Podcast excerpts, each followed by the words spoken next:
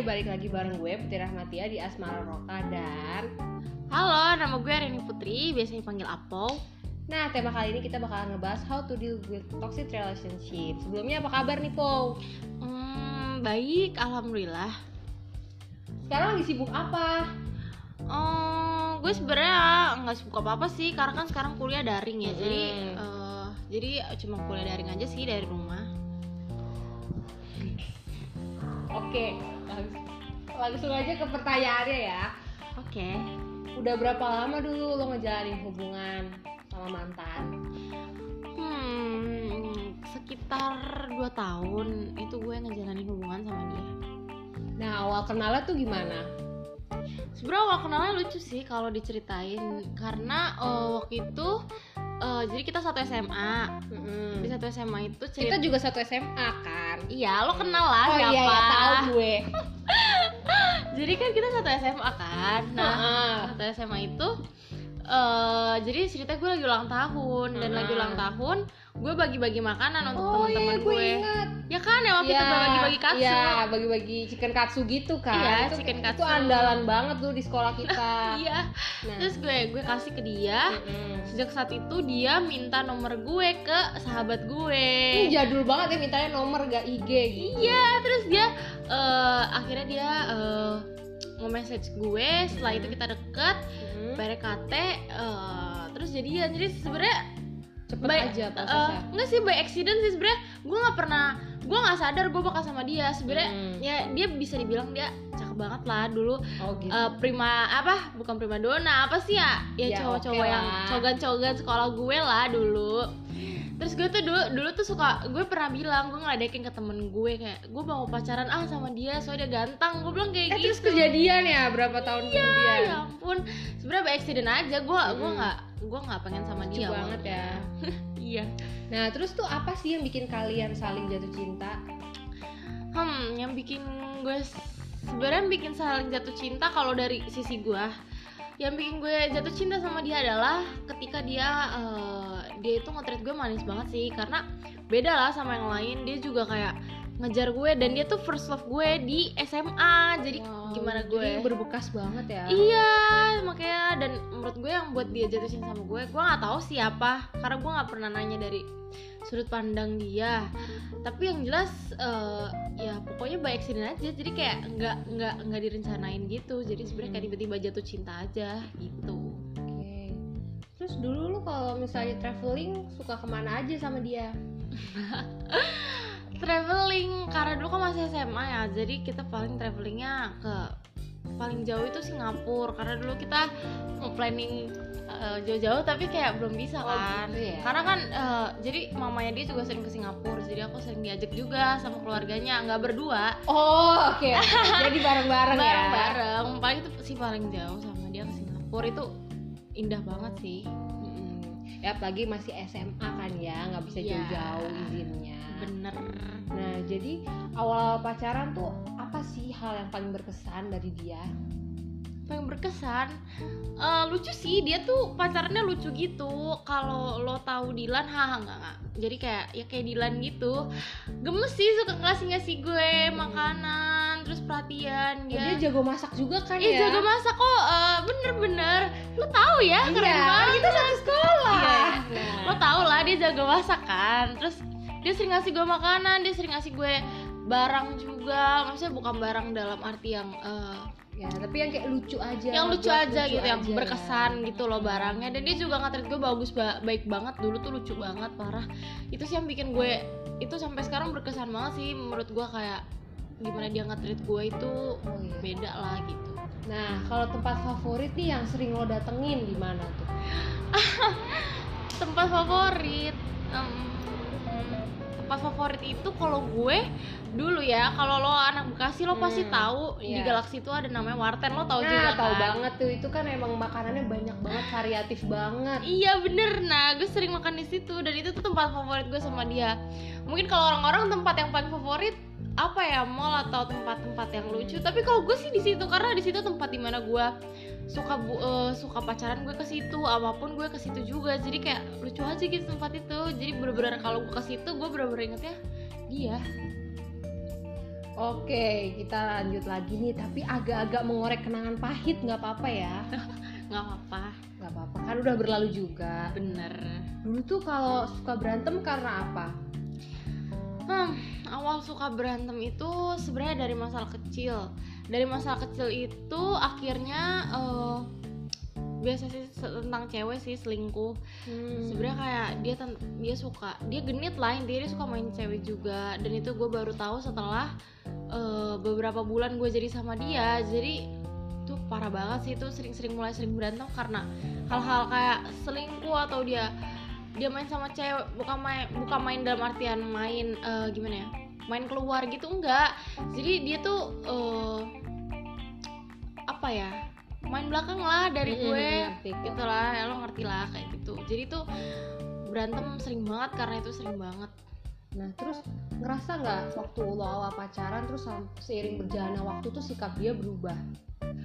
hmm, itu kerasa banget sih karena eh, pertama-tama tuh manis banget. Kayak tadi gue cerita kan lucu banget kan? Tapi setelah setelah mulai enam bulan kan gue pacaran sampai 2 tahun ya. Enam bulan ke atas itu Udah mulai wah itu udah Banyak mulai masalah. hancur sih. Udah mulai banyak masalah. Bahkan kalau lo mau inget lagi 80% hubungan gue sama dia tuh wah gila. Sedih painful sih. Menyakitkan parah anjir itu. Tuh. Ya, oke. Terus apa sih kejadian yang paling parah di hubungan lo itu? Ada nggak? Misalnya kayak lu dikasarin atau diminta abuse segala macem pernah nggak? hmm, pertama eh, kalau physical abuse dia nggak pernah. Alhamdulillah gue nggak pernah kena physical abuse dari dia tapi dia mental abuse gue. Karena eh, gue mau cerita ya satu cerita ini tuh sedih banget sebenarnya ada beberapa cerita sih nanti gue ceritain dua cerita deh. Jadi yang pertama ini jadi ceritanya gue lagi jalan sama sahabat gue gue jalan sama sahabat gue sama dia. Nah sahabat gue ini sahabat gue ini tau dia sahabat gue ini yang nyomblangin gue sama dia ya which is sahabat gue berarti kenal banget lah sama dia dan dia kenal juga sama gue kenal banget sama gue nah kita lagi jalan bertiga. Nah itu tuh diajak mama gue mama gue tuh ngajak ke eh, ke urusannya lah terus cowok gue ini eh, mantan gue ini nggak Oh. suka. Salah ya. salah. Mantan gue ini tuh nggak suka. Kalau misalnya eh, diajak ajak jalan gitu sama mama gue terus dia kayak bentak eh, dia kayak marah-marahin gue terus dia kayak bilang mama gue tuh apa sih mama lo nggak jelas? gitu gitu menurut gue tuh pahit banget karena maksudnya kayak dia nggak bisa menghormati ma- mama gue gitu kayak kayak ya Allah itu jahat banget. Tapi ini belum ini belum ini belum Belum klimaksnya ya? belum klimaks ada lagi kejadian yang Hmm, lebih klimaks. Gimana tuh? jadi ceritanya gini kita udah kita pacaran 2 tahun. Sampai akhirnya kita kuliah. Dia kuliah gue sebut merek aja nggak apa nih kampus Hmm, nggak apa-apa. dia kuliah di PB gue kuliah di Binus Oke. kan jauh Jadi kan LDR ya? LDR lah Bogor Bogor Bogor Bekasi ya. Bekasi ya LDR ya lumayan Hmm. jauh lah 40 km nah dia itu LDR itu gue nggak bisa ketemu dia dulu tuh gue bucin setiap minggu Hmm. setelah LDR itu gue nggak gue nggak ketemu temu sama dia jadi kayak ketemunya susah banget Kayak sibuk gitu Sibuk sama urusan banget. kuliahnya, jadi nggak ada Iya. waktu buat lo. ya dan dia udah mulai berubah banget di situ dia udah nggak mau ditelepon dia nggak mau bahkan gue gue volunteer buat eh, gue nyalonin diri kayak ayo aku aja yang ke sana aku yang ke Bogor nggak apa-apa aku yang ke sana aku sendiri nggak apa-apa tapi dia nggak pernah mau dan di situ gue kayak udah mulai Curiga. wah ini sih udah Udah ada apa-apa. iya udah main sih udah main belakang gue yakin. Karena gue tahu eh, habitsnya dia gimana dulu waktu SMA Hmm. tapi tetap gue pertahanin. Terus sampai akhirnya dia balik ke Bekasi. Tapi dia nggak ngasih tahu gue. Itu parah banget sih. bayangin dia gue pacarnya tapi dia nggak ngasih tahu gue gitu. Aneh banget. Dan akhirnya dia ternyata dia balik ke Bekasi dia sakit. Hmm. yang ngasih tahu dia masuk rumah sakit itu mamahnya. Jadi Mama- dia nggak bilang. nggak bilang. Dia bilangnya ya udah di di Bogor aja gitu. Nah mamanya tuh ngirim foto ternyata dia lagi ada di rumah sakit langsung gue samperin ke rumah sakit. Mm-mm. pas gue samperin ke rumah sakit itu tiba-tiba eh, dia bilang dia kayak dia bilang kayak kita udah kita udah nggak cocok. Padahal di situ gue Itu klasik banget lagi alasannya. klasik banget. Bayangin gue putus di saat gue nyamper dia ke rumah sakit di situ gue udah di situ gue nangis karena gue worry sama dia. Di situ gue nangis karena gue worry banget sama dia. Gue bener-bener apa ya worry lah gue sama dia gue nangis gue sampai nangis gue ketemu dia gue nangis gue takut dia kenapa-napa tapi ternyata dia bilang kayak gitu sampai akhirnya yang paling painful adalah ngeliat mamahnya itu gue sama mamanya udah deket banget mamanya tuh sampai begging ke dia minta dia kayak udahlah jangan putus Mm-mm. udah jangan putus gitu karena mamanya karena deket kalau hubungan lu deket orang tuh tuh agak susah ya Iya. ngakhirinnya. terus uh, tapi dia tetap minta gue putus dan di rumah sakit itu kita putus gue tetap gue tetap masih di situ sampai beberapa jam sampai rada Hmm. malam gue balik. Usut usut ternyata gue tahu setelah gue balik selingkuhannya datang oh my god. Jadi setelah gue nangis nangis gue di gojek itu gue merasa bersalah karena karena pas putus dia tuh nyalainnya gue jadi eh, nyalainnya karena gue sikap gue lah terlalu anak kecil gitu gitu dan eh, gue merasa gue nggak akan ada lagi yang cinta sama gue karena dia eh, dia bikin gue ngerasa kayak gitu ternyata dia ada cewek setelah itu setelah gue balik dia nggak dia mungkin nggak tau ceweknya terus ya udah ternyata ya udah ternyata kayak gitu deh. Nah di hubungan ini kan pasti ada masa-masanya lo kayak terpenjara gitu kayak iya. bingung uh, kayak sat- satu sama lain tuh ngerasa ketergantungan. Nah hal apa sih yang bikin lo berdua itu saling ketergantungan gitu? Untuk mau mengakhiri tuh kayak susah. Padahal udah tahu nih hubungannya tuh udah nggak works lagi sebenarnya kalau dari sisi gue yang bikin gue ketergantungan adalah eh, dia tuh nge-treat gue di mana gue ngerasa gue nggak akan pernah dapet orang selain dia orang yang lebih baik daripada dia itu gue dia dia nge-treat gue kayak gitu. Jadi bikin gue kayak ketergantungan sama dia karena gue merasa kayak udahlah gue sama dia aja karena nggak akan lagi ada yang mau sama gue nggak akan ada lagi orang baik sebaik dia yang mau nge-treat nerima gue nerima keluarga gue uh, meskipun dia ngata-ngatain gue yang kayak gitu. Gue ngerasa kayak gitu. Udah mungkin kalau dari sisi dia karena dia belum dapet pengganti gue aja. Karena gue yakin setelah dia dapat pengganti gue yang yang gue diputusin di rumah sakit itu dia toh dia langsung mutusin gue karena dia udah dapet pengganti gue gitu. Terus hal apa nih dari masing-masing pasangan yang susah untuk diakhirin?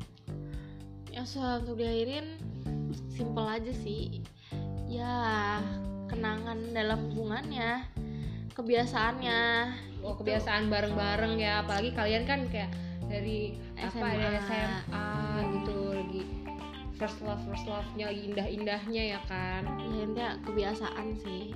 Udah nggak bisa dihilangin nah ini yang paling penting nih. Akhirnya gimana cara lo untuk keluar dari hubungan yang toksik itu? Hmm cara gue keluar? Gimana ya?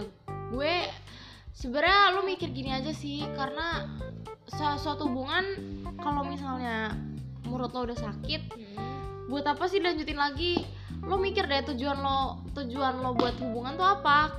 Tujuan lo punya pacar ya kan buat nemenin lo bikin lo bahagia. Nah, kalau lebih banyak sedihnya tuh kayak buat Bener. apa ya? Bener Kalau- banget kan? kalau lebih banyak sedihnya Buat buat, apa? buat apa lu nyiksa diri lo sendiri gitu? Dan lu mikirnya kayak jangan pernah mikir kayak gua. Gua mikir mungkin dulu terlalu sempit karena gua masih anak kecil juga kan dulu.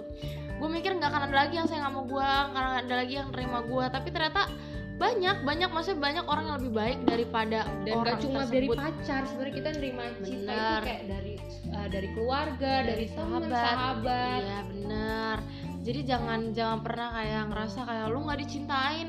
Sebenarnya Mm-mm. banyak yang sayang sama lu gitu. Jadi kayak kalau lu mau keluar dari toxic relationship eh, maksudnya keluar aja cut off aja jangan jangan setengah-setengah gitu. Jangan udah lu cut tapi lo masih balik lagi balik lagi.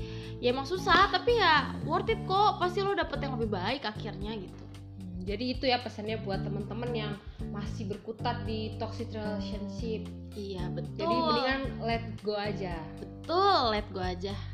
Oke makasih banyak ya atas semuanya atas sharing-sharingnya pengalaman lo yang berharga banget. Jadi sa- sama-sama transfer knowledge juga gue jadi lebih ngerti gimana di sudut pandang lo tentang toxic relationship ini. Dan juga ini adalah pesan komunikasi persuasif buat kalian agar keluar dari toxic relationship. Betul nggak? Bener oke Bener, makasih banyak ya. Aku sama-sama ya. Sampai ketemu lagi di next project berikutnya. Oke makasih. Bye bye